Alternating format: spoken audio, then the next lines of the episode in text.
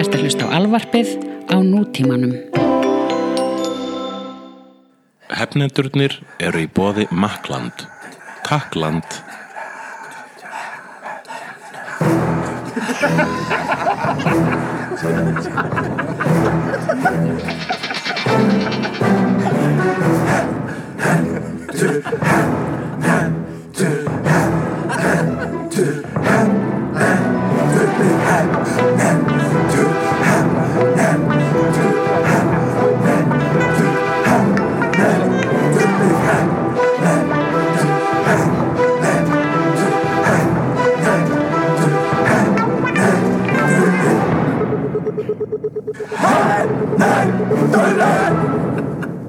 Herru, ég er ekki með góða reynslu á grundaferði Nú, sem hérna uppistands Akkurat. svæði.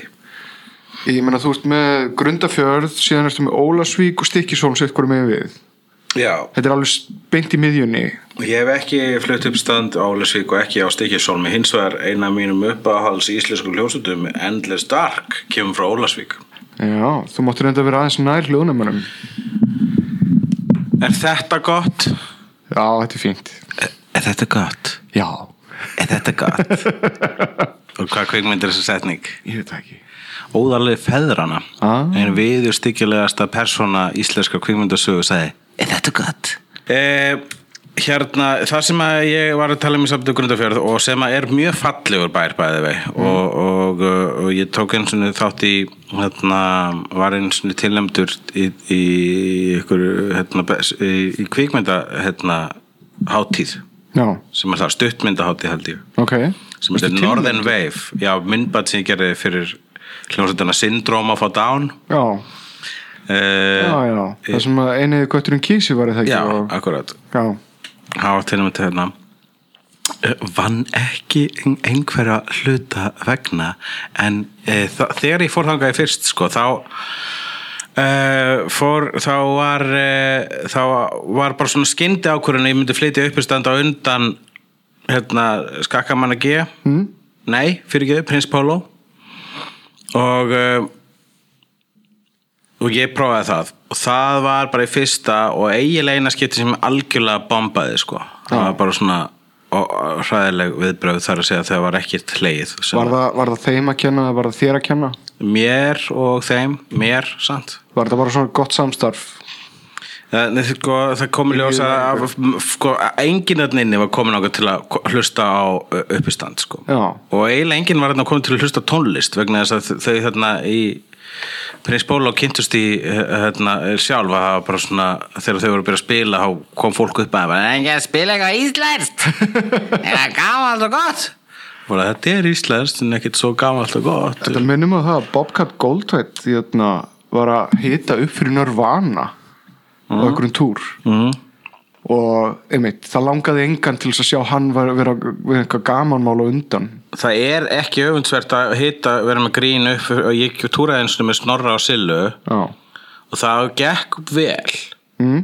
það var líka auðlist fyrir fram sem uppistand og tónlist en enga síður þá var það challenge Já.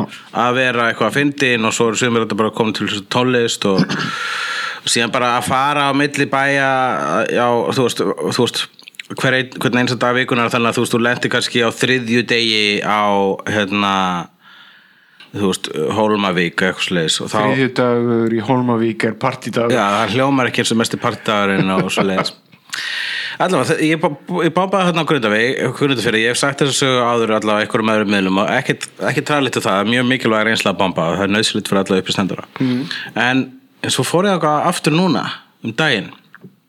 Þá fór ég ákvað til að vera með skemmtikvöld hjá fjölbrytaskólanum fjöl, fjölbrytaskóla Snæfellinga. Já, og ég bara ok, fjölbreytaskóli 16 til 19 ok, ég get farið með megnið efninu mínu þarna, passa með að púla ekki auðvitað blöndal og eitthvað svona. Og, og, og bara basically bara það sett sem ég er að uh, æfa núna það, uh, ég ætla bara að fara með það sko. Ok.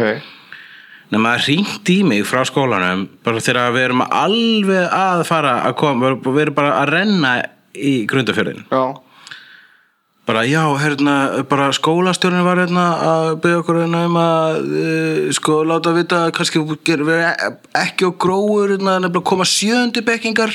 Já, Ha, ég fyrst alveg sjöundu bekkingar. Sjöundu bekkingar, það eru hvað 12 ára krakkar? Ég, ég veit ekki. Það eru áttundu bekkingar er 13 ára sko. Ok, sjöundu bekkingar er 12 ára og ég bara fjö, en þetta er fjölbrautaskóli og ég var bara, ég er bannaður innan 16 allavega, ég let mig hafa það. Var komin þarna og, og flutti síðan efni mitt og það gekk vel meða við.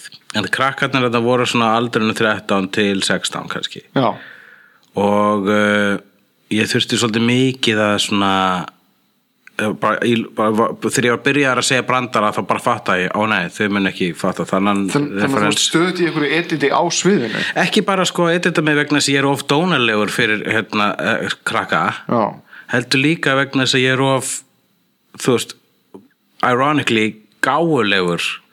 What? já, of intellectual. Vegna þess að ég fatta bara, þau mun ekki fatta þannan refer ég er bara, sumt sem ég segi fatta flestir. Já, en þú ert bara of- of gáulegur, segir þú já, og þá er ég að meina sko í ógáulegasta skilningi orðsins gáulegur Þú sko. kannski, kannski frekar einmitt að þú sérst fullorðslegur í það að þú ert að vísa í upplifuna heim fullorðina Já, já, akkurat, það, svona myndi ég orða það ef ég gæti orða hluti. Og það, hérna það vegna þess að til dæmis brandar hérna, þú veist, þar sem ég tala um þegar fólk byrjar setningar á ég er ekki rasisti. Já, og, og við, við fullandar fólkið, við veitum sko fólk sem byrjar setningar á ég er ekki rasisti, það er rasisti og svoleiðis. Þegar ég reyndi að koma þessu áleiðis þarna, Já. á þessu uppstáti þá bara viss, vissi ekki hvað ég var að tala um kannski, kannski er þau bara vísýtni og, og, og, og, Já, víðsýtni og, og kannski þetta er ekki, ekki upplifunni mitt hjá æsku landsins. Þú ert að gefa þeim alveg svakalega séns hérna sko. Má það ekki? Ótrúlegt kredit. Það er reyndar með þetta mitt að, að ég ætla að reyndar að skjóta því inn sko, að þetta standi upp á sviði og edita sig á meðan.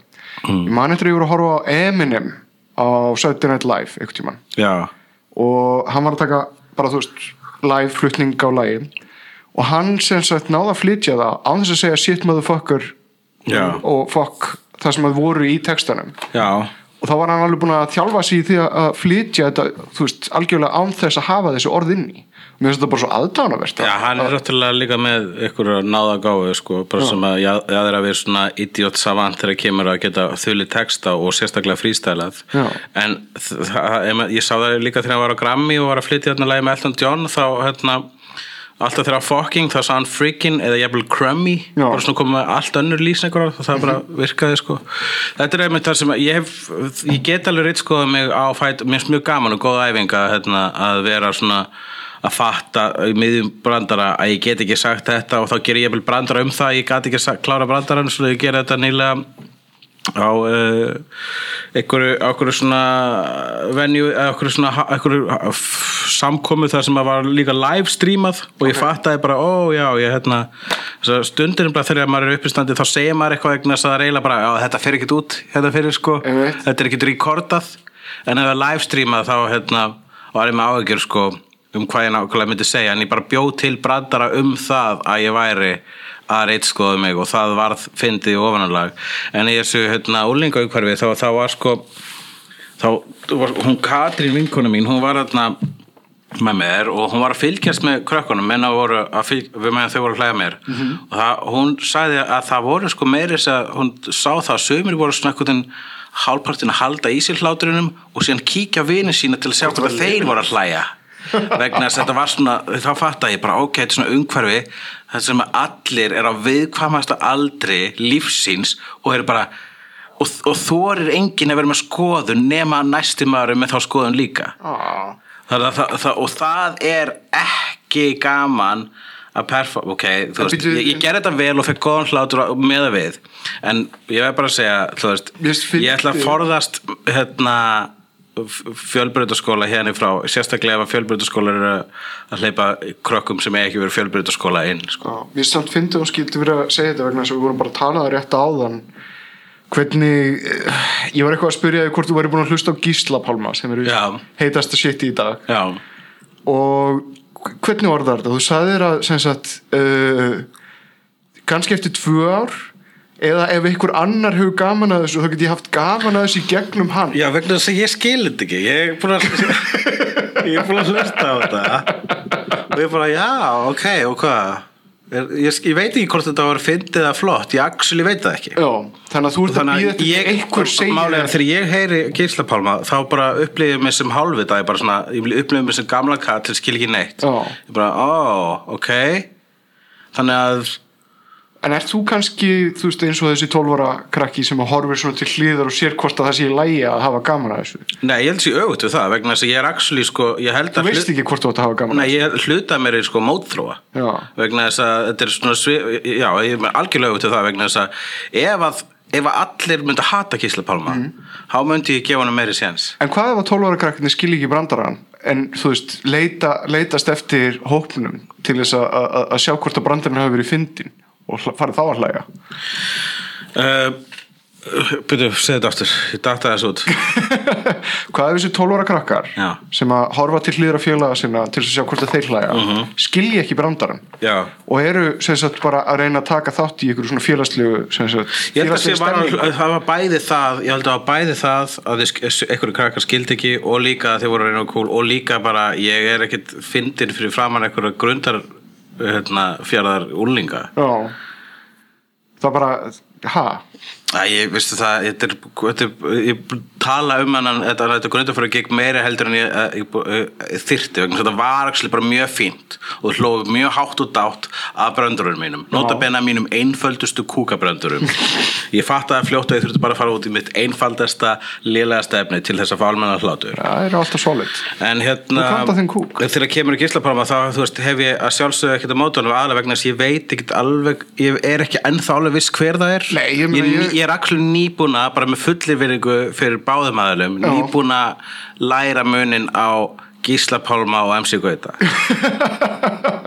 og Jóhannu Guðrúnu. Mér finnst þetta MC Gauti bara frekar, frekar Já, ég sá MC Gauta á, á Ísafirði og mér hefst það ókisla flott. Drullu góður sko ég Flott var- live show bæði ég hérna aldrei fór í söður Já, og ég var eitthvað svona, það var eitthvað, ég man ekki hvað það var en það, ég held að það var bara, ég held ég sá ljósmynd af þeim báðum og það var bara, að þetta er þessi og þetta er þessi, muna hulli, muna. Ég, er mjög, ég er nefnilega mjög spenntur fyrir þessari kynnslóð sem að, veist, það er, er eiginlega móðgum við þá að kalla það nýja kynnslóð vegna þess að þeir eru búin að vera að í ykkur 5-6 ár Já. en MC Gauti og Úlfur Úlfur Mm. eru fyrst mér ókislega solid Já. og ég á eftir að kynna mér gíslapálma almennilega sko Ég er bara, þú veist, þú, þegar, ég er bara, þegar ég er að tala um þessa kreðsu af tónlistamönnum þá bara tek ég að skýrt fram að ég veit ekki raskat hvað er að tala um. Ég veit um eina rappljónsveit sem ég fíla virkilega mikið og það er Köttkar á P. Er dásalegt shit. en ég En það er bara vegna þess að það er eina sem ég er búin að hlusta á að ráði og það er bara vegna þess að já, Já, þú maður bara já, skittunar eru náttúrulega eru undanfari köttgrápi Mhm. Þetta er, já, en ég er nýbúin að, hérna, að, að verða mér út um sagt, Gísla Pálma plötuna. Já, og ertu áttað á þessu? Nei, ég er bara ekki, ég, ég náði hérna áðan sko, hérna ég er ekki búin að hafa tómið til þess að sittist og, og hlusta á hana sko. Mm. uh, Ég var bara akkurat að hlusta á hana rétt áður en ég kom hingað sko, komin á, á lag nummer fjögur eða fimm. Þetta bara hljómaði vel sko. Já Ég, ég er bara, þegar kemur á hip-hop tónlist nútímans þá er, er, er, þá finnst mér margt mjög flott en mér er sumt sem ég bara einfallega skil ekki. Það minnst ekki gaman að upplifa það að ég er ekki að skilja tónlist í dag vegna þess að þú veist, það er nákvæmlega svona sem að á okkur leið Já. þegar þeir heyrðu eitthvað, þú veist, það sem við fíluðum. Ég var reyndar að- bara að vera rugg Ég var reyndar að lesa kvót frá honum hérna, Muhammad Ali þar sem hann segir að manneskja sem að hugsa eins og hann sé tvítug þegar hún er fimmtug hefur sóað 30 árum að æfi sinni. Ok, ég skal taka þessu, þetta er hugunar orð vissulega. En það sem sko, mér finnst vera hérna, með, sko, þegar ég heyri hip-hop tónlistina sem að það sem er kalla hip-hop tónlist í dag þá er ég að tala um bara það sem ég þekki úr útlöndum. Já, um, þá man ég, þú veist, mín upp á hip-hop-tónlist er 90s og síðan mjög eiginlega bara megniða ferlinum hans Eminem. Og uh, já, bara hinn og þessi hip-hop-tónlist í rauninni, sko. En þegar það, það sem ég finnst langbest er sko textar og, og, og, og rýmna flæði mér finnst það bara ekkert meira heitlandi að fá góða, góðan og solid langan texta í góðu rýmna flæði þegar textar voru svona singiri baba tikka baba tunchikati tikka baba nabidi bibidi babidi bubba sangiri en núna er eins og þetta sé kiki taka bo Boba dalati, dada, bú, siki baba bo og ég bara, hva, hvenar, hvenar fór þetta aftur? Hvenar bara hérna minkuðu, minkaði at, meðal atkvæði fjöldin í einni línu Já. á hiphoplægi úr, þú veist, 7 til 10 niður í 2 til 3 Sure. Díbago, hérna er ég, ég er hér, rass, rass, hér er ég, rass, rass, rass, rass, hér er ég, seg, seg hér. Sko, ég hljóma kannski mjög gamaldags Já. þegar ég er að kvarta yfir þessu, en þetta er ekki fjari lægi. En, já, ég meina, en sko, til dæmis háamál, það er ekkert mjög voðalega mörg, mörg, mörg orði Já, hámál er ekki hip-hop. Hámál eru litlar, þú veist, ég veit ekki Ferskeittla er ekki orðið, það eru litlar rýmur Það er ekki sambarlegt Þú veist bara Já, hvað er það hvart yfir atkvæðafjöldu í dag? Mundu hámál, það var ekki það Það hefur ekkert að gera með það. Hámál er allt annað Já, já, Það var já, ekki, já, við erum að tala um hip-hop, við erum takt og rýmnaflæði og, en ekki ga- gam, gömul bóðorð um hvernig þú ert að hegða þér í veislum. Já, þau rýma, næstu Valla. Þau eru allan að fylgja kveðreglum, hvað, kveðskapsreglum. Ég, bara- Þetta er einfallega ekki sambarilegt En, já, ég meina, þú veist þetta, þetta er bara það sem er að gerast núna. Við kannski að fara í hvað er að gerast? Hvað er að gerast? Hvað er að gerast? Það er búið að vera svona trailerveisla í þessari viku Eða síðustu viku ja. Mm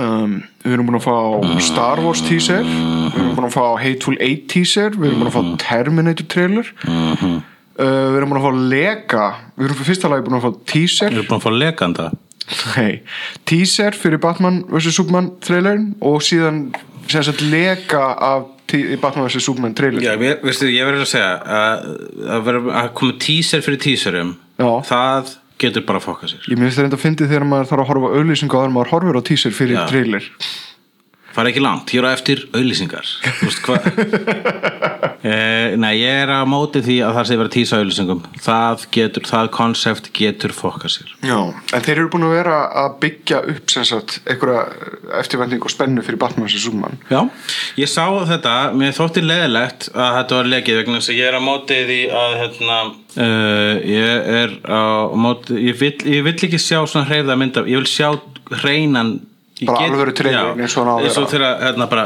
þegar þú ég fek, sá hennar link bara, það er búið að leika tísöndnum og það bara, ok, vil tjekka á hennum ó, þetta er svona hennar kamera. Mm. það sem búið að taka þetta upp í bíósalunum og allt er reyft úr fókus. Já, Ég hefði geta beðið í tvo dagi viðbót eftir hreinum trailer en nú þurfti einhver endilega, nú er þetta mín fyrsta reynsla. Já þetta á að koma mánudaginn. Já, sem sagt, nákvæmlega, í, í sama dag og þessi þáttur kemur út sko alveg gjössalega pointless. þannig að við, veist, við erum ekki búin að sjá hann nema í þessari skulum- Horður á þessu útgáfu? Já, ég horfði á hana, ég byrjaði að horfa hana, bara, oh, I might as well watch it, fyrst að við erum að fara að taka upp hefnendur í dag. Já, Ég það bara, málið var að ég finnst þess að ég hafa séð hann trailer áður. Mm. Uh, Herri, já, það kom Ant-Man trailer líka Já, akkurat, en ég var búin að sko sjá heyra lýsingu á þessum nákvæmlega sama dæmi sko frá síðasta Comic-Coni. Já, þannig að þetta var þegar í, í, í hausnu ímyndunaflunum ég svona, ok, fyrst að leið þetta teaser trailer sem þið gáur umverulega út, Batman vs. Superman. Uh, ég var rosalega lítið spenntur fyrir því þess að það hafa verið svona fljúa yfir logoið. Ég held að, var, það, var þetta ekki trailerin fyrir Batman Returns á ég tíma? var eiginlega svara svo síntil Ok,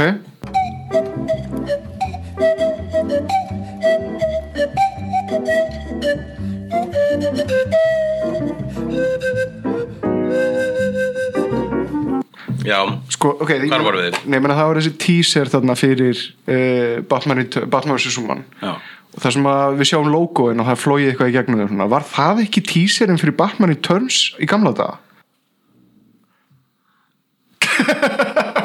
sorry, ég er ennþá bara eftir þetta símtal og ég er ennþá bara oh, fúllandi sjálfa mig Akkurju? og sagði ég nenni ekki að fara í kaffi með fokk Á ég að setja pásu eða? nei, tökum þetta upp endilega. Bara Ok, það, það, það var eitthvað að gerast, þú Já, símtal. ég fekk símtal og það var eitthvað gauður svona hei, verður ekki kaffi?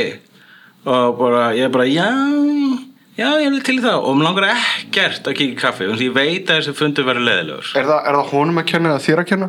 það er mér að kenna. Það er mér að kenna Ertu getur- reiður út í Nei, sjálfa þig fyrir ég er reiður það? út í sjálfa mig fyrir að vera meðvirkur. Já vegna þess að hérna, Það saka samt ekkert að taka kaffi með fólki sko. Ég veit að málið er sko, hér er málið. Þegar þú fær svona, hérna, núna ha, þegar maður er uh, já, fólk hefur sabbat við mann til þess að vilja gera, hugmynd, gera, gera eitthvað með manni. Já, í svona 95% tilvika eru það verkefni sem ég hef nákvæmlega engan áhuga á -hmm. vegna þess að það eru þeirra hugmyndir og það er basically svona hei ég er með hugmynd nema hún er rauninni óbúslega léleg, ég var að spá hvort að þú geti gert hana góða og ég myndi ekki gera neitt en ég myndi samt fá allan peningin það er basically alltaf hugmyndir Já. svona skemmtana bransin í hnótskund -hmm. og hérna og síðan síðan sko málið er að ef að þú vilt að ég ver, þú vilt fá svar frá mér hvort að ég sé að fara að starfa með þér í einhverju Já. sendu mér e-mail skrifaði í e-mailnum hvað ertu að hugsa og svo geti svarað þar já eða nei. Já. þú myndi ekki geta selt mér hugmynduna frekar yfir kaffipólla en þú, þú svarar vanlega nei það ekki? Já, ég svara vanlega nei að, lo, að lokum sko. En ég finnst alltaf svo leiðilegt að vera dregin úr frá bara skrifborinu minni úr húsinu Já. til að setjast eitthvað staðar á kaffehús til þess að hlusta á eitthvað svona pitcha eitthvað bullshiti Já. vegna þess að þú veist, þetta er þegar fólk reynir að hitta mann á svona kaffihúsafundi þá er það bara með málalengingar? Það er engin vandi að pitcha hugmynd í örfáum setningum og segja, hei, vilt þú gera þetta? Já, og ég segi, nei. Stundum gengur fólk samt út frá þeirri sem settur auk ekki að, hérna, að persónuleiki þeirra eigi eftir að, að, að segra þig. Já, það er stærsti miskilningur í heimi. Personleikun kynir ekki. Þannig að þú fer bara alfarið eftir hugmyndinu og ekkert meira? Ég bara, ekki heldur þú veist það getur verið gaman að vinna með mannskinni já, ef það, get, þú veist, ef það er manneski sem er langar til að vinna með fyrir þá bara stekki á, sko tækifærið. En í langflöstu tilvíkum er þetta eitthvað fólk sem veit ekki einu hver ég er, sko. Og, Og- og með fullri virðingu en það er, ég bara segja að það er fljótlegra að bara senda e-mail segja þar, hvað, hvað þú vilt. Ég vilti ekki bara segja eh, e-mail adressuna þína og þá, þá, þá sendir fólk kannski bara hugmyndir þangað eða langar til þess að vinna með þér? Já. Ég mun fara á hana fund og ég mun vera brosandi alla tíman. Já, og vera eitthvað svona, já, frábært. Og bara svona nákvæmlega og vera, vera svona ekki ég Já. á fundinum. Og svo mun ég segja svona, já, ég er hérna alltaf að spá í þessu og síðan standa upp og fara og á leiðinni heimur vera svona, oh, ég hata sjálf mig Það- það hver var þessi maður þarna inn á þessu fundi sem var að tala við þannan mann já, síðan þarf ég að heyra, heyra samtalið eftir Já, svo ringi ég þig Ég verði þegar með ykkur og ég bara Þetta Já, og þar þú að heyra allt sko, þannig að það er sko, þetta mun beitna á þér Já. þannig að þú átt alveg sko, þú átt Hætti þátt- þessu fólk Já. Að fyrir ævar. Sendið mér bara e-mail. Annars, annars mun ævar fá að heyra eitthvað svona hræðilegt kvart. En hvað segir, já, nei, ég veit að þetta er Superman Batman, það lítur ágætlega. ég meina við þurfum að fá annan trailer, það er ekkert sem getur sagt um. Hvað, hérna hvað, eh, hvað er fleira? Ant-Man, mér líst ágætlega á það. Eh, uh, Thomas the Tank Engine hérna í, í, Já, í það var fínu. mjög fyndið. Góðu, góðu hlutur hér. Já, og, og þetta verðist alltaf að vera fyndið mitt. Og ég vona að og ég trúi ekki aðra sko. Mér finnst þetta heillandi mitt að þeir séu að- fara svolítið á fyndnari slóði með Ant-Man. Sérstaklega þar sem við erum nýbúin að sjá þetta Super Dark dæmi í Daredevil. Já, það er aðeinslegt og Guardians of the Galaxy er náttúrulega fyndið Mhm. en það er bara game opera. Það bara, f- einhvern veginn þá er Marvel ekki að festa því einhverjum einum genre þótt að þeir séu að nota overhitchur þá er þeir að Já. fara yfir, yfir hinn og þessu slóð Það hefði nú aldrei verið hægt fyrir þá að fara út í bjarta tyggigúmið í Daredevil, það hefði bara ekkit virk uh, en hérna en þeir, eru samt, þeir eru samt með mismöndi stíla og það er það sem er frábært um Marvel en það er enn eina ferðina þá bara, þá er, þá er þetta er byrjað að vera pínu vandræðilegt hvað þetta er mikið tippapartí það er samt svolítið áhugavert að Daredevil er Frank Miller dæmi og Batman vs. Superman er, er, er Frank Miller dæmi líka. Já.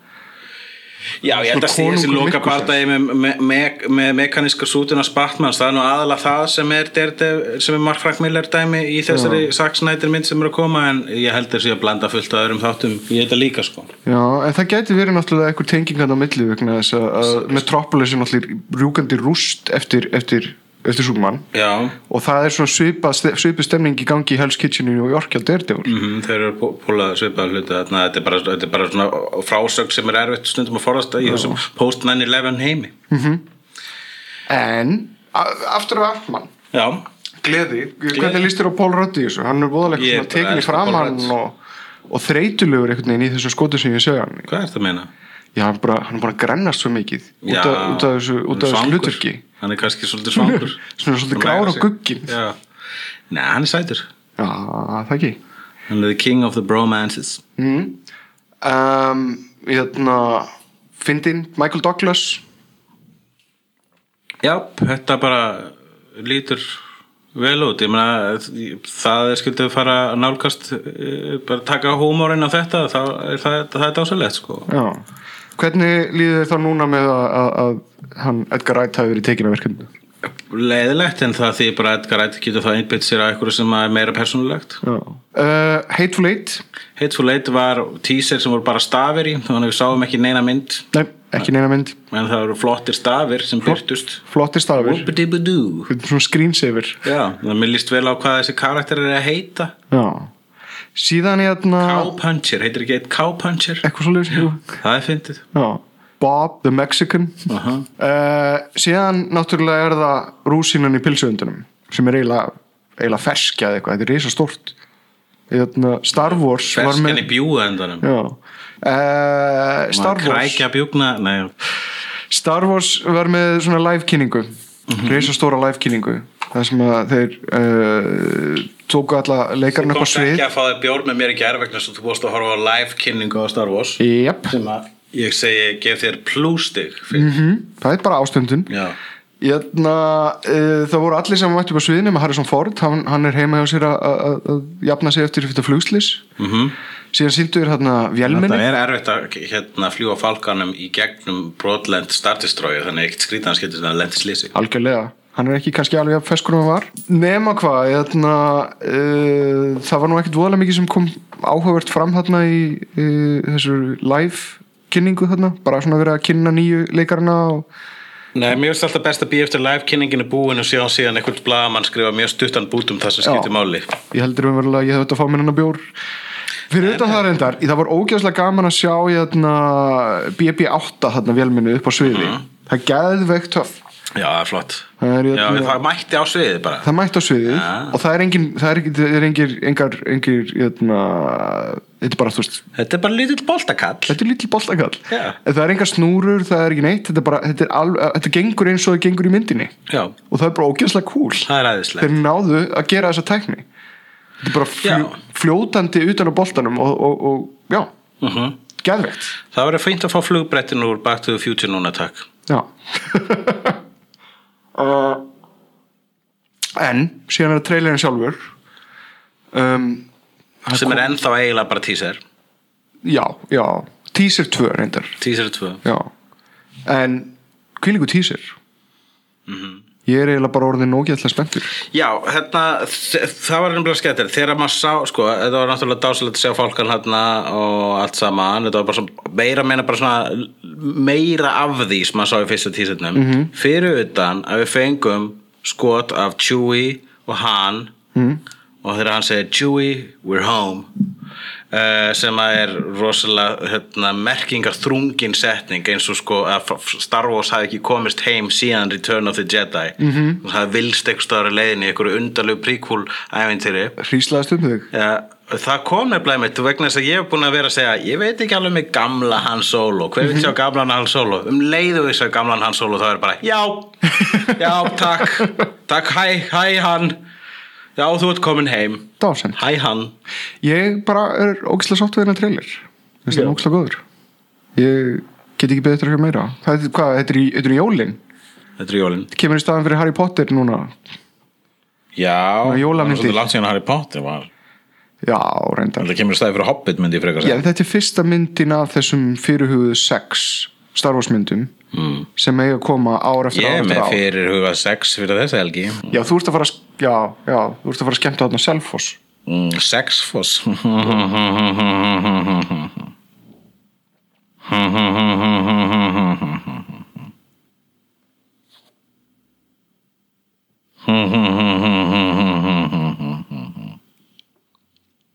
Er eitthvað fleira að gera?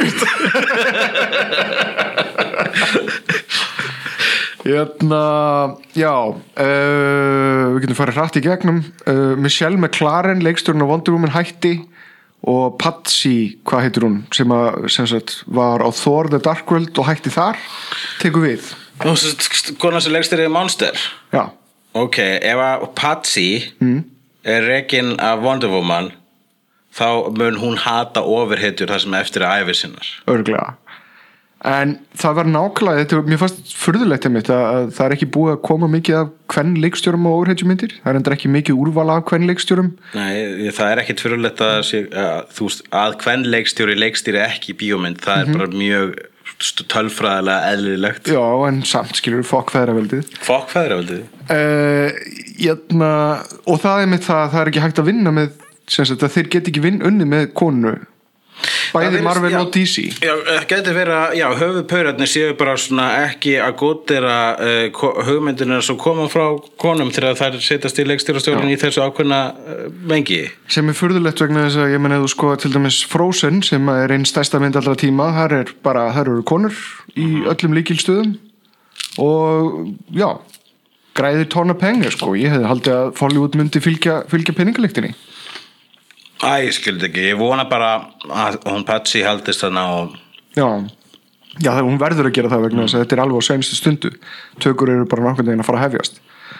Síðan saði Mark Ruffalo eitt uh, hann er náttúrulega flottast í húlkin að, að þessu. Finnst svo Ruffalo og Hulk maður segir Ruffalo. Ruffalo. Já, Mark Ja. Ruffalo. Það er Ruffalo. Han är jättemycket Hulken Hann kom með þann punkt að það var ekki hægt að gera standalone hulkmynd út af uh, réttindamálum. Að Universal væri með dreifingarétt á ég las þetta myndinni sem þýðir að í grunnatriðum að etna, það er bara að býja eftir að rennur út. Já, það er bara að klára samningað eitthvað. Já, þetta, það þýðir ekki, það getur alveg gerst. En ég meina uh, Hulk er bara virkar svo vel inn í þessu ensemble dæmi á Avengers að ég er er ekkit að Oscars rosalega mikið eftir standalone Hulkmynd þó að það verður alveg gaman. Já, ég var nú samt til í Planet Hulk eitthvað svona veist, það var náttúrulega cool sko. Planet Hulk, já. Það er flott saga. Og svo Wo- World War Hulk eftir því. Já, það verið gott. En uh, síðasta er uh, Caleb Carr bókin The Alienist ég veit ekki hvað það er. Þetta er svona raðmóringja saga sem gerist á Victory tímanum. -hmm. og fjallar um svona profiler á Victory tímanum. Mm -hmm. Ógeðslega góð saga, ég las hana. Las hana og það er einhver önnur saga sem að kemur strax á eftir. Það, hún er leiðin í sjómaserju með leikstjóranum uh, sagt Kari Fukanaga sem var leikstýri True Detective. Ah, þetta gæti orðið helviti fínt efni sko, allan á bókin ógeðslega góð. Hljópa vel. Já, það er, þá er hvað er að gerast búið sko. Já, ok, þannig að þetta var allt hvað er að gerast. Já, ok, hvað er þá næst á dagskrá? Málefni dagsins. Bubidi-ba-bibidi-bú Dubidú-bú-ba-bibú Hann hérna Ötti Blöndal var að djóka eitthvað um daginn. Já, uh, og var með hérna brandara í mennskóla mm Mhm. -hmm. það sem hann sagði mýmsa brandara sem fóru fyrir brjóstið allavega á einhverjum yfirkennari eða whatever sem kvartaði já Veistu hver brandarinn er? Já, brandara var svona hérna hann var að tellja upp svona, hei, ef að þessi myndi gera klámynd, hvað myndi hún heita og eitthvað svona mjibidi-bibi Já. og hérna uh, og svo koma með þessi brandaran þú veist, þetta er bara gott sett upp fyrir djók svo sem. Uh, og svo koma með og sa- sk- sagði eitthvað hérna, einmitt að Pétur, ef Pétur Jóhann myndi gera klámynd myndi þetta heita Fast and the Furious. Uh, líklega vegna þess að hann er mjög uh, fljótur og reyður Hann er fær og snöggur. Og hann elskar bíla Já, ok en, Já, hérna, fílar bíla. Og svo sagði hann ef að ég myndi að, hann sagði líka um ef að hann myndi sjálfur leika í klámynd, þá sagði hann eitthvað. Manstu hver sá- sá brandur það var? The Bald and the Beautiful Svo góður. En hérna en, uh, Nei, allavega, svo segir hann alltaf um gilsinlegar um, á gilsin myndi ykkur klámynd þá myndi þá myndi þetta, nei, er ekkert svar og náttúrulega það uh, fikk ekki góða viðtökur. Mm. og við vitum náttúrulega öll hvers vegna að hlæra enginn að þeim brandara í þessu mentaskóla vegna þess að enginn í mentaskóla veit hvað nei er ekkert svar er. Já. það verður enginn heyrt um þá mynd. Lesa salin ötti þú getur ekki vitna í einhverja svarkvita mynd frá 94 sem að enginn sá einu sinni á Íslandi þá og ætlast til allir úlíkarnir bara nákvæmlega, góðu vísunöti en það sem var náttúrulega í rauninni Mm. umdelt við þetta er vegna þess að hann sagði nöðgunabrandara Já, upp á sviði. Ég meina og líka frekar vafa sem við samingi við ætlum að fara út í smáatriðin sko. en það er hérna það sem að e, ég, þegar, að- þegar að svona lagað gerist þegar svona nexli mm. en að geða sér leppa gerist á Íslandi þá uh, er þá fæ ég oft spurningar. Já, um þetta svona hvað hva fannst þér um þetta bla bla bla. Vegna þess að þú kemst upp Já. með alls konar. Og, og að ég forðast að tjá mig of mikið um það vegna þess að ef ég hef eitthvað skona skoðun á því þá hef ég samt einhvern veginn ekki alveg efni á það vegna þess að þá er fyrir strax að bera mig sama við aðra grínista og ég bara kann ekki við það sko. Uh, vegna þess að þú veist að- á sama hátt mér finnst aðsnara þegar tólistamenn eru að gaggrina aðra tólistamenn í, í blöðum eitthvað svo leiðist þú finnst þeim ekki alveg að meiga það sko nei. Og en ég var að horfa á mjög flotta heimildamind sem er bara til á YouTube sem heitir uh, That's Not Funny. Já, það sem einhver gaur fer í gegnum uh, umdelt grín sögu umdelts gríns. Uh, og, og, og snertir á þessu, öllum þessu viðkvæmu málefnum sem eru um hvað má djóka og allt svo leiðis og það eru náttúrulega viðkvæm, viðkvæmstu málefnir eru sko race issues sérstaklega í svona bandarengjunum og það eru uh, hérna, uh, náttúrulega nöðgunabrandarar og trúabrögð og uh, mér fannst þess að þetta var eitthvað sem við getum bara rætt sko. Og, og, hérna eru nöðgrunnar brandarar fyndnir lengur? nöðgunabrandarar eru fyndnir ef þeir eru fyndnir. Og það er bara það gildir um alla brandara nema hvað er fyndið er alveg gífulega afstætt. Og hérna er það sem að gerist gjarnan í öllum þessum heimskulu spjallþráðum sem myndast á svona tímum. Þá kemur alltaf einn og segir byrju, já en hver ræður hvað er fyndið? Á þessi ákveða hvað er fyndið? Nei það er ekki þannig, það ákveður enginn hvað er fyndið. Ef að þú ferð og flytur upp í stand fyrir framann sal mm. þá er aðeins bara áhorfendurnir sem heild sem ákveða hvort það er fyndið Fer síðan að fara að vera með einhver viðkvæm málefni og eitthvað eldfindefni þá mun sem sé öruglega ykkur í salnum móðgast -hmm. er það á ábyrð grínistans að ykkur í salnum móðgast það sem ég fór endur að hugsa um í sambandi við nákvæmlega þennan brandara hjá honum Ödda mm. er uh, hver sögnin í honum er Mm. mér, mér finnst hann bara vera svolítið að gefa sterklega í skini mitt að, að Gils sé segur einhvern veginn Já, ég meina, þú veist, það, það er En- sko, ef- eru þeir ekki- eru ekki félagar, Eru skilur? við actually að fara þangað? Ok hérna, Er þeir ekki, ég, meina, þeir eru, Ég ætla að eru- skauta yfir þetta sko. Þeir eru saman hann í FM 95 Blue Það er það sem er einmitt, sko, málega er það að ég held nefnilega að þannan tiltekna brandara Já. er hægt að segja -hmm. og það er hægt, er hægt að segja hann fyndin Já. en hér, sko, ef þú ætti að fara að segja brandara sem er einmitt svona eldfimir eða eitthvað slegis þá skiptir máli hvenar þú segir á mm. hvernig þú segir á hvar þú segir á og líka hver segir þá Já. og í þessu tillíki var svolítið skrítið hver sagði það vegna þess að þeir eru þekktir þeir eru vinir. Nákvæmlega. Og, og hvað þá, er, er það þá svona, gag, er svona skilningur millir þeirra bara svona, hei, mannstu þegar ég nauðgæði já, stöðu brandur það, er það svoleiðis dæmi? Já. eða bara, haha, það vita allir að þú nauðgæðir ekki þess vegna allt í lagi, ég segi hana brandara nei, þetta er ábúrslega skrýtnum slóðum. Mm. Já. það vaknar svona það rosa- vaknar, það vaknar svona spurningar þegar að auðvitað segir þetta, það var svona, já, en ha Já, ég veit það, mjög- má- en ég skil ekki, er þetta ekki ha, veist, þetta er er ekki bara klára spurningar þess að vakna í mér, sko. Þessi einfaldið brandari mitt kallar fram svo rosalega marga spurningar bara, bara svona í stærra samhengi sko. Já, og ég sko, er, þú veist, ég segi brandara og sko, og ég vil bara taka það fram ég hef hitt uh, auða og mér finnst það bara fýtgur skemmtilegur strákur, bla blí blú Einlegur í því sem hann gerir. Já, en hérna ég hef sagt gilsinleika brandara á sviði. Já, og uh, og ég þól ekki gilsinleikar mm. mér finnst hann gladaður Já. og þannig að minn brandari sko litast mikið af því hvað hérna minn brandari diss á gilsinleikar og, og- ég held að það fjúlega brandaran og gera hann einhvern veginn fyndi ósjálfrátt líka tekur, tekur minna marka það er svona léttvægara. Vegna þess að þú veist það er alveg vita hvaðan það kemur. Já, og það er, ég veit ekki, kannski sumum finnst ekki mynd, kannski einhver skemmtileg augrun í því að einhver svona nörd með gleru og sé að tala illum um það sem að margir líta á sem vöðva stelta bullið, sko. Já.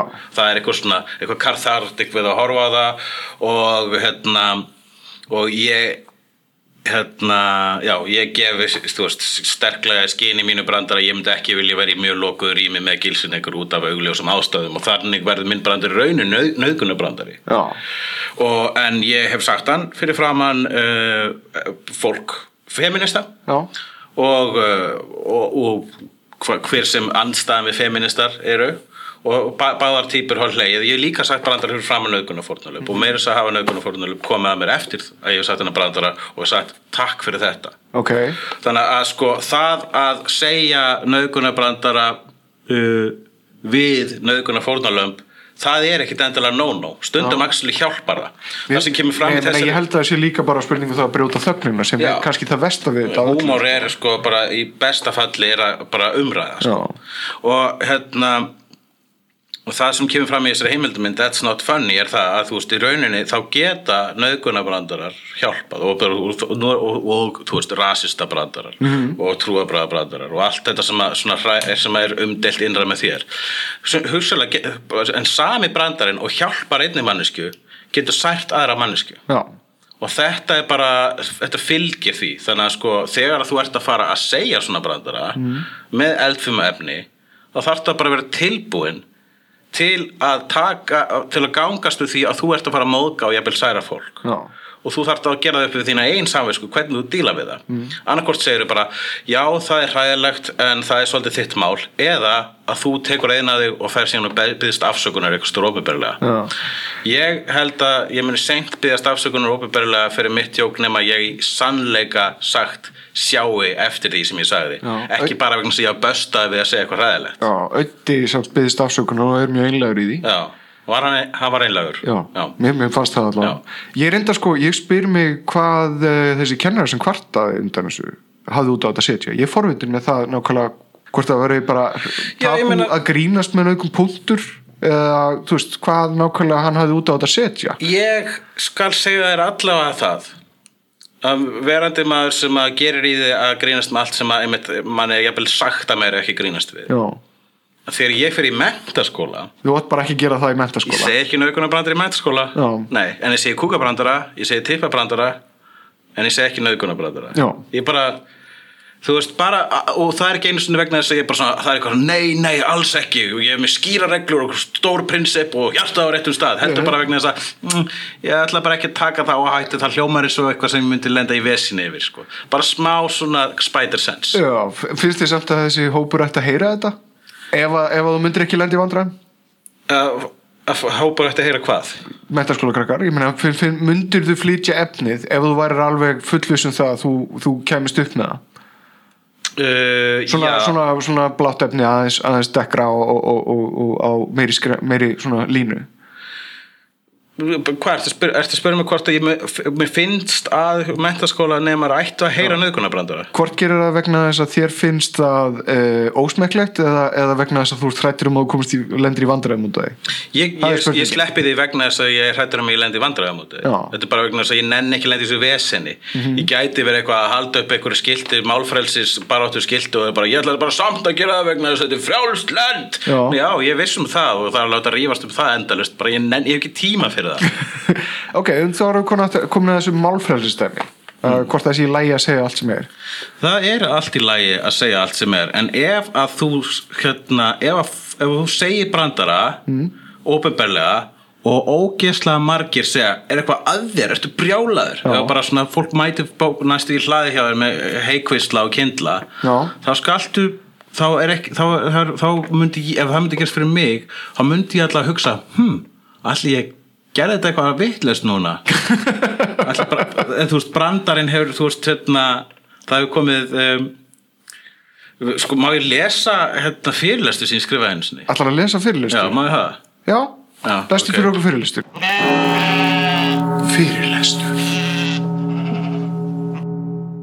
Já, ég skrifaði hérna, þetta er, grein sem ég skrifaði fyrir blaðiðans Þorsteins Guðmundssonar sem heitir hérna uh, Glott sem að held ég kom bara út í tveimur uh, tölublöðum. Ekki fyrir eirum, var það ekki alveg þrjú eða? og kom alveg þrjú. Ég man það ekki. Ég man aldrei ekki. Ég sá man bara eftir tveimur. Og ég var, það var grein eftir mig í öðru blaðinu.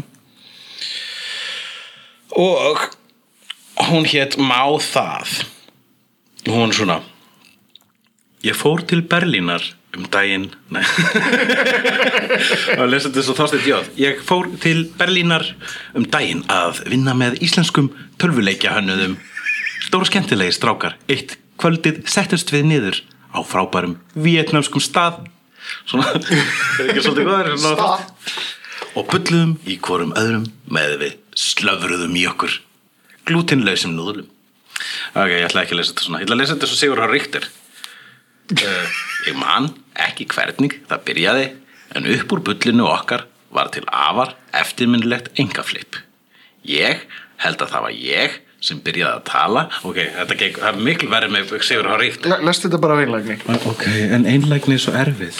Nei, nei, láttu maður það Uh, ég, ég held að var ég sem byrjaði að tala um brjóstakrabba megin þarna við mataborðið og kallaði það babb í bobbingana og við hlóðum allir og, og spunnum lítið leikrit um hérna, lækni sem tilkynir konum og hún sem komið babb í bobbingana og einstaklega óviðigandi og brandari undir öllum kringustæðum en okkur fannst bara svo fyndið að kalla krabba minn babb út frá því var til nýr svona frasaforði af skammarlegu skopi eins og babb í bönina sem er heilaæksli, babb í boltana sem er eistna krabba minn og mennlausast afbreyði sem babb í beinið sem er risvandamál og við flissum eins og hálfvitar alveg vegna þess að það má ekki hlæja svona mm. en líka vegna þess að babb er fyndið orð.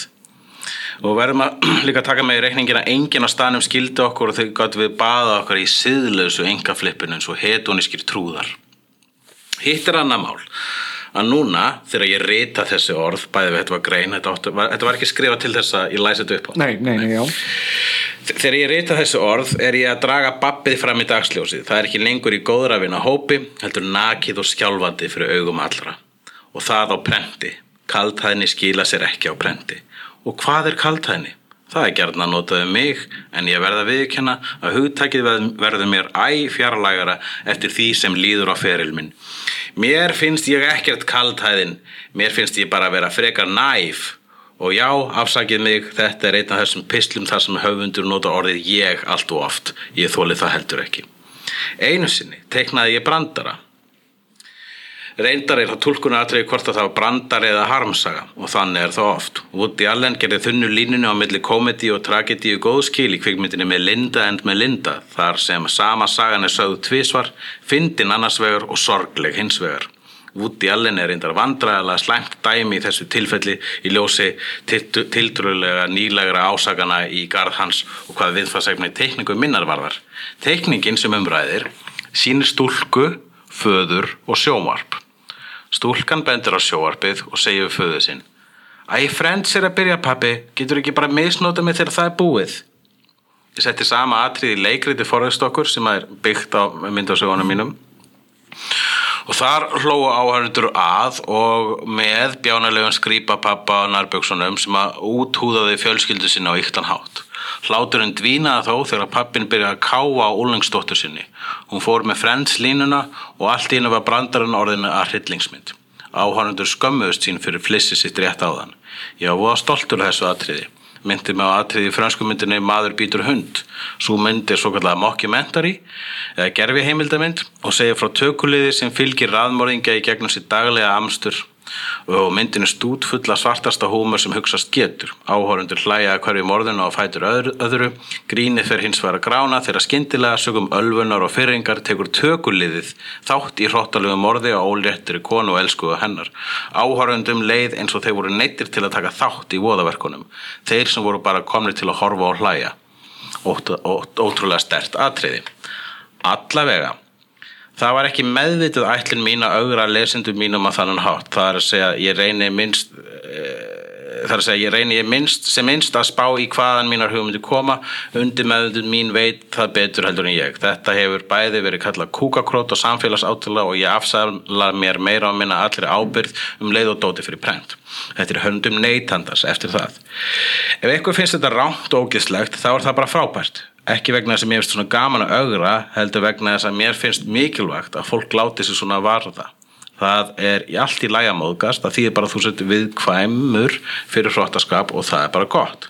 En allavega ég er komin langt út af spórinu ástæðan ég er að minnast á Friends brandaran er allt önnur Mér langaði bara að monta með ákveðnum viðbröðum við þessari skrítlu sem ég fekk send út úr heimi. Það voru 100 árum, fyrir 100 árum þegar MySpace réði netheimum. Ég, eins og allir aðrir, stopnaði eigin MySpace síðu og fyllti hana af mínu sóðalegasta krassi.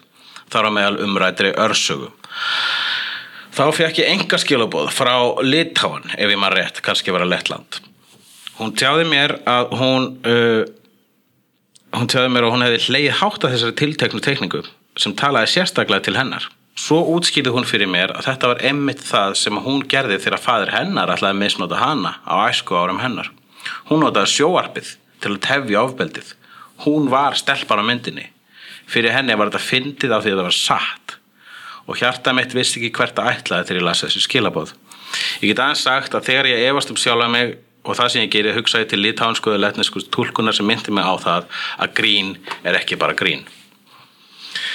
Ég fór til Akureyrar síðastlegin desember til að flytja uppistandsýningu mín að djóka einn, ekki, síðastlegin desember, ég skrifaði þessa grein fyrir, ég veit ekki, einu og halvu ára síðan, þannig að fyrir þar síðastu desember, ja, ok, Já. whatever.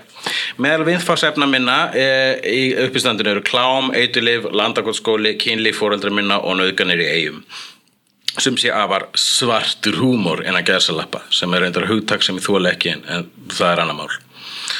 Uh, uh, Baldvin heitir sá er skipulaði sjóðu mitt þarna fyrir nor norðan hann saði mér aðteglisverða sögu á Facebook tjattinu daginn áðurinn í flög norður í vikunni hafði lauruglu boði, borist fjölmargar kvartanir frá áhyggjufullum foreldrum og rúf.is segir fréttina svona Tveir ungir menn eru í haldi lauruglunar á Akureyri grunaður um að hafa reynt að lokka börn upp í bíl sinn viðsvegar í bænum í dag.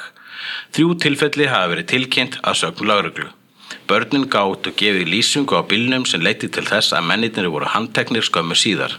Þeir eru 17 og 18 ára og eru í yfirheyslu hjá lauruglu. Þeir bera því við að þetta hafi átt að vera svartur húmor. Þeir hafði vist alltaf sagt að taka hann gjörning upp á myndband og alltaf fá fullt að lækum á netinu. Já. Ok, ég hitti sagt eina, ég hitti móður eins barsins á Akureyrsku kaffihúsi stutti eftir að ég lendi. Hún hafði hirt frekari lýsingu á yfirherslu lauruglunar. Strákarnir, eins og segir í fréttinni, sögðu ekki bara að þetta veri svartur húmor. Eh, Þeir sögðu beint að þeir voru að reyna að gera svartan húmor eins og hugleikur Dagsson.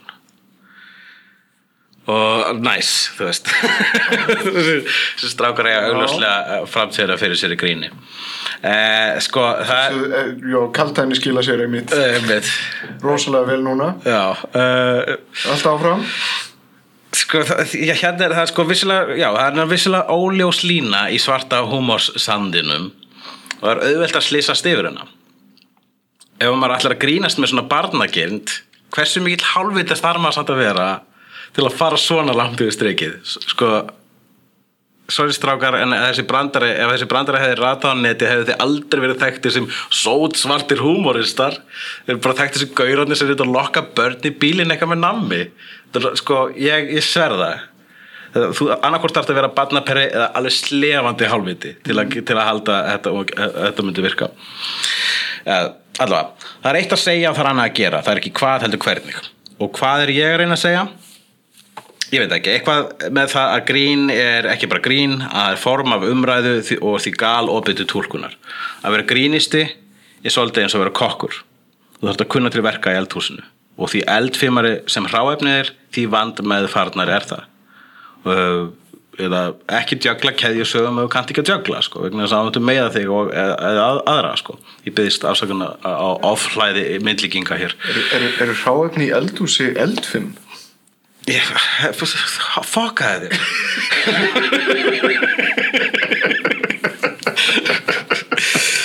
þér sko, þú mátt þess að segja hvaða brandara sem er. En ef að öskrandi múur mætir í hlaðið með heikvísla og kindla þá hefur líklega sagt hann vittlust þá hefur komið babb í brandarann. Nú, ok, myndir þú segja að þetta væri eitthvað skonar algild regla yfir það sama? Grín er að, að í rauninni sko að- áttu, er er ábyrðin þín megin ef að, ef að meiri hluti neytenda mótmælir brandaranum? Ég held að ábyrðin sé alltaf þín megin og annarkvort farið verðlun fyrir velsæðan brandara eða, eða, eða skammir fyrir illasæðan brandara. Já, uh, en það, ég meina, þú veist stundum þarf að vera tillitslaus í gríni. Já, já til, ég, til þess að brandari virki vegna þess að brandarar og, og, og grín ganga svo rosalega mikið út og það koma óvart koma, já, óvart sko. Nei, ég, meinti var stund sko mér finnst sko margir sexist brandarar mjög fyndnir mm. og einmitt bara vegna þess að þeir eru sexist Já. vegna þess að þeir bara svona pff, ég trú ekki og sagðir þetta Já. en síðan sko eru aðrir sem hugsa uh, hvernig, þú veist, myndi hugsa að það verið mjög ábyrðalöst að segja brandara bara vegna þess að hann er sexist. Já, ég meina, maður getur hleyið að brandaranum ef að hann er sagður með vitneskinu um það, þetta er sexist, ég er að segja sexist hlut, við erum öll að hlæja að því hvað þetta er stjúpid að segja svona hluti. Versus manneskjan sem að segir eitthvað sem er ógeðslega sexist og þetta er og eitthvað sem- og þetta er eitthvað þá sem er það ekki lengur brandari, þá er það bara það sem hún finnst. Og það, það, það þetta sem er samt neytandin, það er undir neytandunum að skinja sko. Þannig að og rauninni sko ég vissum að mjög margir, ég efast ekki um það að hérna, mjög margir finnst ég vera bara, bara hræðileg manneskja vegna þess að lesa út frá mínu gríni. Mm. og ég bara held ég mun ekkit fara, ég mun ekkit nenna, ég er ekki að fara að eyða mínu tíma að reyna að útskýra fyrir þeirri manneskju og ég er bara, nei, ég er góður góður og ég er feministi? Ég er bara nennið því ekki, ef að þessi tiltekna mann vera, finnst ég vera ógislegt kvikindi, þá bara gott. Haltu áfram að finnast ég vera ógislegt kvikindi þér finnst það allavega að einhvers konar réttlæðilegum ástæðum sko. neini hulli minn, þú ert gott fólk. Já, ég veit það, ég veit það er awesome. En, ég, en, en þetta er samt ekki Ég hérna búin að, hérna, var einhvern veginn að tala við uh, vinkuna mína hana sem mætti hérna í þannig að þannig að önnutöru mm. um þetta uh, um þessa reglu mína að þú veist hérna uh, sérst e, að að það má segja ranga hluti svo lengi sem að gera það á rétt einhvern veginn sko. Já. ég nota þessi grög gjarnan þegar ég lendi þarna, í því að vera uh, vera settir í saman flokk með gilsinleikar mm -hmm. uh, þegar, þegar svo umræða var sem heitust þá bara þá mér blöskraði óslega hérna Uh, mikið að vera líkt við hann og ekki bara út, ekki út af því að hann er uh, út af kvennfyrirlitningun eða kallinabunum hans heldur bara vegna að hann er ekki fyndin allavega ekki viljandi þannig að en allavega sko uh, en ég lært einhvern veginn að þessi pæling að segja að uh, svo lengi svo þið segir rángar hlutur rétt þá er allir læg þetta er ekkert skotælti pæling sko. Þannig að mann, fólk er flóknar en það og bara ímyndunar mannsins er stærra en það. Já, ég meina að þóttu þú sérst að tala við hópa fólki og, og þið finnst allir hlæja þá er þetta náttúrulega upplifun einstaklingana innan hópsins. Já, og líka sko og líka það að hérna, ég var að tala um önnutöru og hún hérna, ég var að segja bara svona já, þá er lengi sem að það kemur frá réttum stað þá mun fólk ekki kvarta. Og þá sagði hún mér frá því að að hún samdi og flutti lag þarna um enda þar smög og hvernig hún fekk að sitja undir holskeflu og kvarti og vesinni sama hversu vel meint lagið var. Já, þannig ég fatt að reglan í rauninni frekar þú mátt segja hvað sem er svo lengi sem þú gerir rétt og ert kallkins ég held að það sé í alveg Það er pínu þannig. vegna þess að hérna, þegar hún fyrir að segja þetta er með svona lag sem er bara svona la la la, hvernig, hvernig er lagið aftur? Að það er svo gott að fá það í rassinn. Já. la la í ra- í rassinn. Sko ef ég hefði næs í lag- næs í Já, rassinn ef ég hef sungið þetta lag. Það er svo næs að fá það í rassinn. Já, Ég held að enginn hefði hvort það nei En vegna þess Það er enda kannski gengið út frá því þar að þú sért að uh, gera grín. Já, og uh, ég held að þetta hafi verið svona kannski svona full innlagt hjá þeim einlægt bara vegna þess að ef þú- hlustar á textan þá er það næstu því bara svona Já, dettur í, dettur í kynfræðslu sko. Já, ég veit, en það eru líka að segja það er næs, það eru að segja innlægt að Já, það er næs að fá þér það finnst mörgum næs að fá þér Já, já, þetta er, er kynur vandi of hér er eitt sem gerist þegar hérna, þegar stutt eftir að það lag kom mm. þá lendi ég alveg tvísar í því sko, að bara fó, fó, hérna, að foreldrar á mínum aldri Já. og bara hugleikur hérna, bara, einu skipti var að kalla, einu skipti var að kona og voru bara svona, "Heyrðu, hvað finnst þér um þetta hérna, næs í rassinlag og þá hafði ég ekkert heyrt um það sko.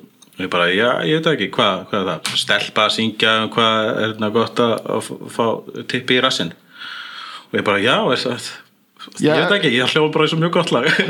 Nei, aðeins meir en það, ja. kallar ættu að fá þeirra sem líka bara líka til þess að, að, að jafna sagt, uh, aðeins út, kynja misvetið eh, obviously sko. Men ef, það er eitthvað sem hérna, ef eitthvað sem við ættum að tala um til þess að skapa í rauninu, þá er það raskatið þess að bæði konur og kallar eru með raskat það er raskatið það sem samina kynin. Það, er, það, það er kynfærið. Það það er, það er kynlösa kynfæri. En það er annar fyrirlestur. Og hérna en ég, þá, sagði bæðir, þessar þessar fóreldrar við mig bara hvernig á ég að útskýra fyrir barninu mínu hvað, þú veist, og fyrstulega þetta lag var aldrei spila á Rástfö mm. þannig að ég veit ekki hvað þú varst að þú, veist, þú, þú, þú getur alltaf slögt, slögt á fucking útvarpinu í bílnuðinu Já, og, og, og í öðru lagi það er ekki ak, hvað, akkur, þú, núna nú ert þú orðin svolítið gamall sko hvernig átt þú að útskýra fyrir barninu? Þú ert foreldrin, Við skulum- þú að vera tilbúin fyrir þetta. Já, við skulum við hafa í huga að þetta er hvað á einhverju YouTube síðu þetta er bara á YouTube síðu og þú þarft aktíft að fara þangað Já. og sækja efnið. Eh, var þetta ekki spila á Action en eitt svo leiðis Jú, Já, jú, þetta var spilað í Harmageddon Já. hérna. Já, ég meina, who cares? Sko, ef að þ- þegar fóreldrar þegar fóreldrar segja, hvernig á ég að útskýra fyrir börninu mínu, er bara svona ég veit það ekki, en þú ert greinlega ekki nógu góð fóreldri fyrst að þú þú getur ekki logið að börninu, ertu ekki búin að ljúga þig fyrstu þú veist, tíu ára æfið þess að, að jólasveinar séu til, það er major lígi sem að krefst alveg skvílíka sköpunugáfu, lítur ekki að prumpa úr þér einhverju smá, smá lígi um hvað að, enda það smög eru fyrir börninu, þá kannski að fatta hvað það eru. Og pluss það, ef ég að segja, hvað er það í rassin, bara, þegar þú talum sko þegar fólk er að tippi í rassin eitthvað sem þú skalt ekki gera fyrir stöðunum fullorinn og þá myndi barnið segja, obviously er ég ekki að fara að gera það fyrir er fullorinn ég er ekki hálfviti. Þannig að sko þegar fólk segir svona hvernig ég útskýru fyrir börninu mínu? Þá finnst mér fólk stundu verið að gefa í skinn að börninu þeirra séu hálfvitar. Ég heldur reyndar kannski að það séu upplifin flestra að börn séu hálfvitar. Eru. Óvitar. kannski frekar. Börn er nefnilega ekki þetta er sem að sko, þetta er eins og hérna þú veist, fullori fólk þegar það horfir á Superman og Batman mm. þá er það bara svona byrju, hérna, hvernig, hva, hvernig gætt Batman byggt allar hann Batmobíl og hvað hva, hva, var hann ekki með verktaka til að byggja allt hann í Batman hellinum og eitthvað svoleiðis og fyrir ekki hvað er hann að hanga þarna með litlum strák? Ég meina hvað er gangi þarna? Og meðan Batman horfir á þetta bara og segir vegna þess að þetta er teiknimynd pappi leið mér bara að horfa á þessa teiknumynd ég veit að þetta er ekki alvöru en það, við erum komin út fyrir efni við erum að tala um það sem má og það sem má ekki djóka sko. og ég held að uh, sko, Það eru mörk í gríni það eru alveg mörki gríni en þau eru út um allt þau eru rosalega sveigjarleg og það fer, er fyrir segja, það fer bara eftir hvar og hvernig þú segir það Mhm. það er í rauninni minnst um hvað þú segir það er miklu meira hvernig þú segir það Já. og allar Og hvern. Mhm. og samhengið er allt þannig að þegar að fólk segir nöðgunabrandarar eru ekki fyndnir þá fara náttúrulega allir grínistar á stað og segja, jú, byttu ég meit þannig, byttu, já, ég skal segja þér, kom annan. Og, alltaf klassískur og það er þessi bæði- George Carlin brandari hérna, nöðguna brandari ekki finnir ímyndaður einhver að nöðga trúð sem að er sem- já, sem að Þú getur alveg farið í einhverju svona gróteska lið en, en, Já. en ef þú ferð að he- heyra þú svona sagðir, þú sagðir þetta einmitt núna svona ímyndaðir einhver að að ég sá bara fyrir mig hræðilega hryllingsmynd sko. þú veist þetta er með þess að allt bara í hvern Já, bara, hvað- George Carlin sagði þetta miklu fyndnara. hvernig tónnin í röddin er og svo leiðis og hérna og ég man líka ég var eitthvað mann svona flegði einum nöðgunabrandara frá mér hérna í, eða svona sagði einn nöðgunabrandara svona mjög flott svona Mhm. flott, ég, sag, ég meinti fljótt uh, í, á uppistandi Mhm. og þá heyrði ég að salurinn bæði hló og hlutan sagði svona hvæsti svo snákar sem að mér finnst mjög cool einhvern viðbröð sko. Snákahvæsið? ekki samþygt mér finnst það mjög sniðuleg til að samþykja ekki brandara miklu betur en hekl. Og, hérna, og ég kunni rúslega vel að meta það að salunum skiptist í tvend og líka að fólk, ég vil að fólk ég vil augra og móðga fólk upp á sviði. Og hérna, vegna þess að svo lengi sem það fer úr salunum og bara svona Já, fattaði svona heildar myndina sko. það verður að vera einhver lína það sem að veist, það, það er samtala milli stand-ups grínistans, ekki hekk heldur þú veist, Já. svona, til, til svona mótækilegt samtal, og það verður alltaf hlutfall sem að móðgast og það á alltaf að vera þannig vegna þess að þegar enginn móðgast þá, þá er það að gera eitthvað vitlaust Já. Með okkar augum Hvað eru hvað er, hvað er að tala um í með okkar augum í dag? Við ætlum að rappa eins um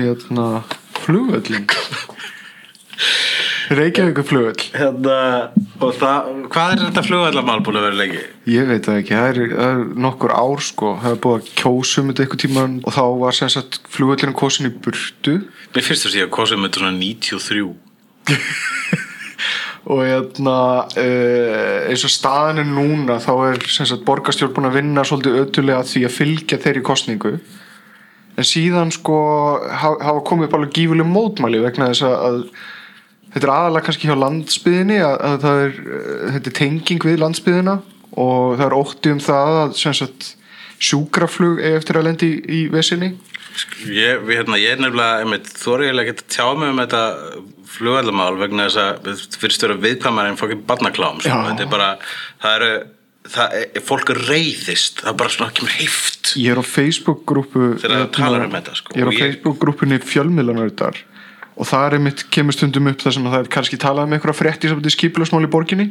Og þá er einhver reyður gæi sem að fyrir, að tala um flugvöllin er algjörlega óskilt og bara Já. treður því í umræðinu vegna þess að það er bara svo hei, mikið hitamál. Já, flugvöllurinn maður. Flugvöllurinn, já. Flugvöllurinn Það Flugvöllurinn. Er að drepa allir þessi börn á landsbyðinni Flugvöllurinn. Hvað, hérna, hvað, hvað? Langar til þess að, losna þennan flugvöll? Hvað, Hefur einhvern tíma notað þennan flugvöll? hvað, flugvöllin Reykjavík? Já Já, Þú, þú ert búin að vera að fljúa eitthvað svona út að landa, skemmta og svona já, ekki? ég.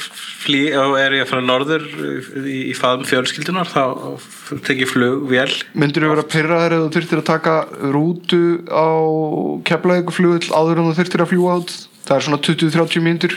Já, 40 Mér mínútur finnst nógu leiðilegt að fara ánga til að fara til útlanda sko. Já, en mér myndi svo flugvöllurinn fara þanga þegar það bara er annarkort þarna í, í mýrinni er þetta ekki í, Já. og eða, eða keflaug og það er bara, bara annarkort eða? Já nema þá að einhver nýr flugullur eru ristur einhver staðar, til dæmis á bestastöðum Já. Já, það er lengra fyrir mig að labba af laugaveginum Já, það er ekki bynd, já, þú ert ekki að fara að labba Sko, ég, bara, ég, ég vil að flugvöllur sé en að mjög sjálfselskum ástæðum. Svo ég nenn ekki að fara langt Þú þyrftir samt aldrei að ganga lengra heldur um BSI og, og síðan bara er það og deyja börn- deyja börn ef flugvöllurinn fer. Við erum að tala um viðbrastíma sem að skerðist um ykkur svona 10-15 mínútur eitthvað líka. Já, þannig að börn deyja ef að flugvöllurinn fer. Já, en af hverju vilja þá margir að fari fyrst að, ég til við, viljum ekki að börn deyji? Ég veit það ekki, ég held, ég einhvern veginn efast um það að þetta sé það mikið vandamál sko, vegna þess að það er rosalega löng byð eftir því að ná flugi. Þannig að viðbrastímin er voðalega lítið skertur held ég í alvörinni Já, en af hverju af hverju á hann ekki að vera? Þú veist, ef maður er á móti flugvöllum hann af hverju, vegna þess að það ætti að vera önnur hús Nei, þarna. vegna þess að við ættum að þétta byggð við ættum að setja raunverulega einhvers konar raunverulega vegna þess að það byggð vera önnur hús þarna. Já. Já. og nýta þetta landsvæði betur. Já. vegna þess að þetta er risastórt og tekur alveg rosalega mikið pláss og síðan er ógeðslega leðilegt að hafa þessar flugvélur alltaf yfir Reykjavík. Veistu hvað er miklu Ég heldur reyndar sko ef einhver svona framtaksamur uh, andflugalla sinni uh, tekur sér til og, og, og flýgur sestnu í Hallgrímskirkjuturn þá verður þessi flugvöldur bara fjarlæður ég er ekki að mæla með þessu bæði en þá verður þessi flugvöldur fjarlæður svona sko. Ef ykkur, já, ef ykkur hvað sagður ef einhver flýgur sestnu í Hallgrímskirkjuturn. Sessnu já, það er flugvel Já. Já, ok, ef að, ef að verður eitthvað lítið mini 9-11 hérna á Íslandi. Já. Það er svolítið extreme, svo þá verður þessi flugvöldur fjarlæður sko. Já, ok.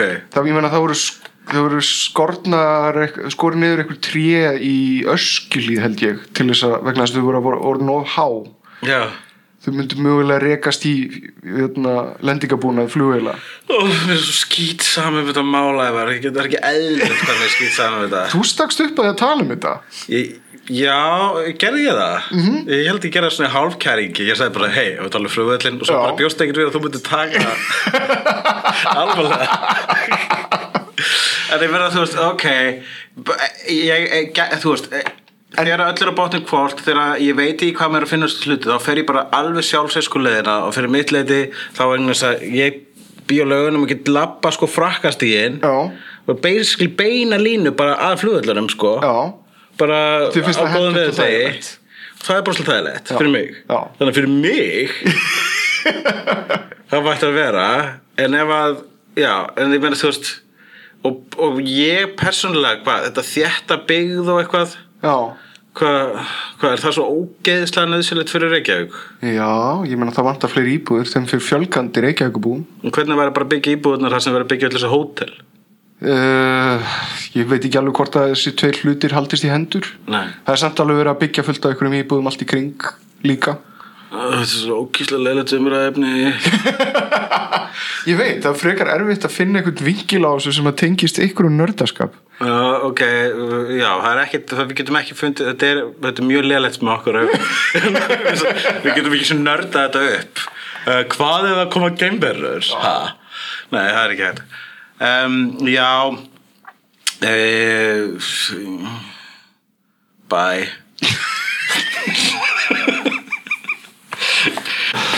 Ég er hérna, ég er með betri hugmynd að eh, með okkur augum Hvað Ok. með, ég hlusta bara á Gísla Pálma og, og þú veist, vegna þess að ég var að, ég veit ekki, ég hef actually, ég man ekki eftir neinu lagi Þú veist, Ok. Ég já, að, Ég ætla bara að velja hérna lag af handahófi Já. á plötunni og hérna og ekki bara setja í spilum þá? Já, ok. Ok. Þetta er lagið með nóg Með nó, með nóg, það er einu orði. Með nó. Með nóg Og, og hvað, hvað þýðir það? Með, með nó, hann er með nó. Hann Bara er einu á, orði. á, á fullt af shit. Já, já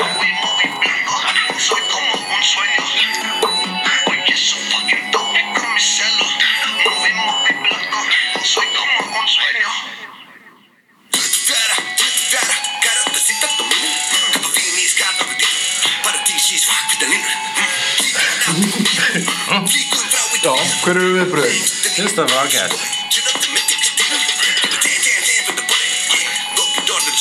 Já, Ég veit bara að játa að ég enda að skilja orðaði sem að segir. Nei, Ég set að fíla þetta já.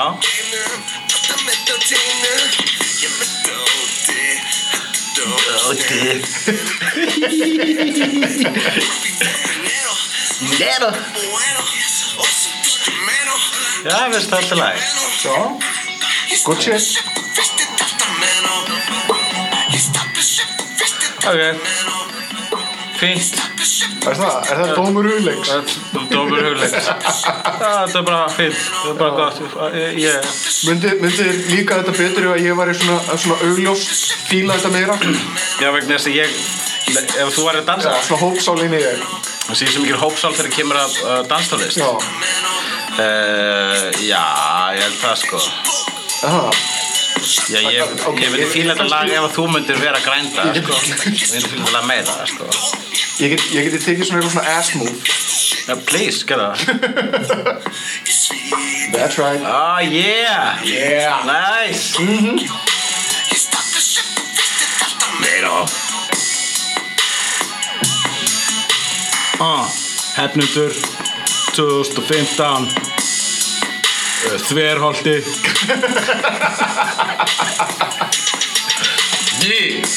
Við erum fullotnir og við eigum peninga í vasanum og við kissum stelpur oft. Ég er Ég er með tippi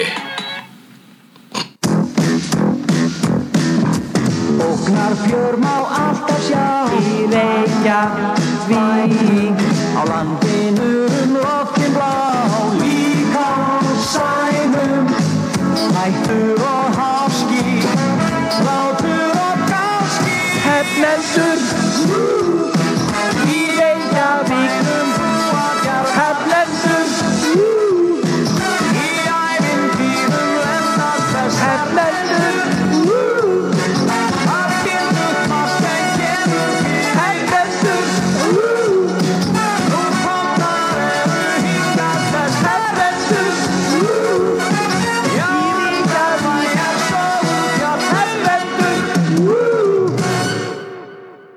Hefnendurnir voru hennar Ævar og Hulli Þau voru líka bóðið Makland Takland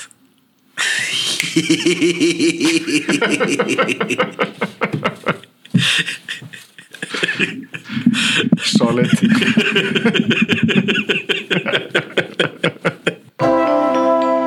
Þú finnur fleiri skemmtilega alvarpstætti á nútímin.is. Takk fyrir að hlusta.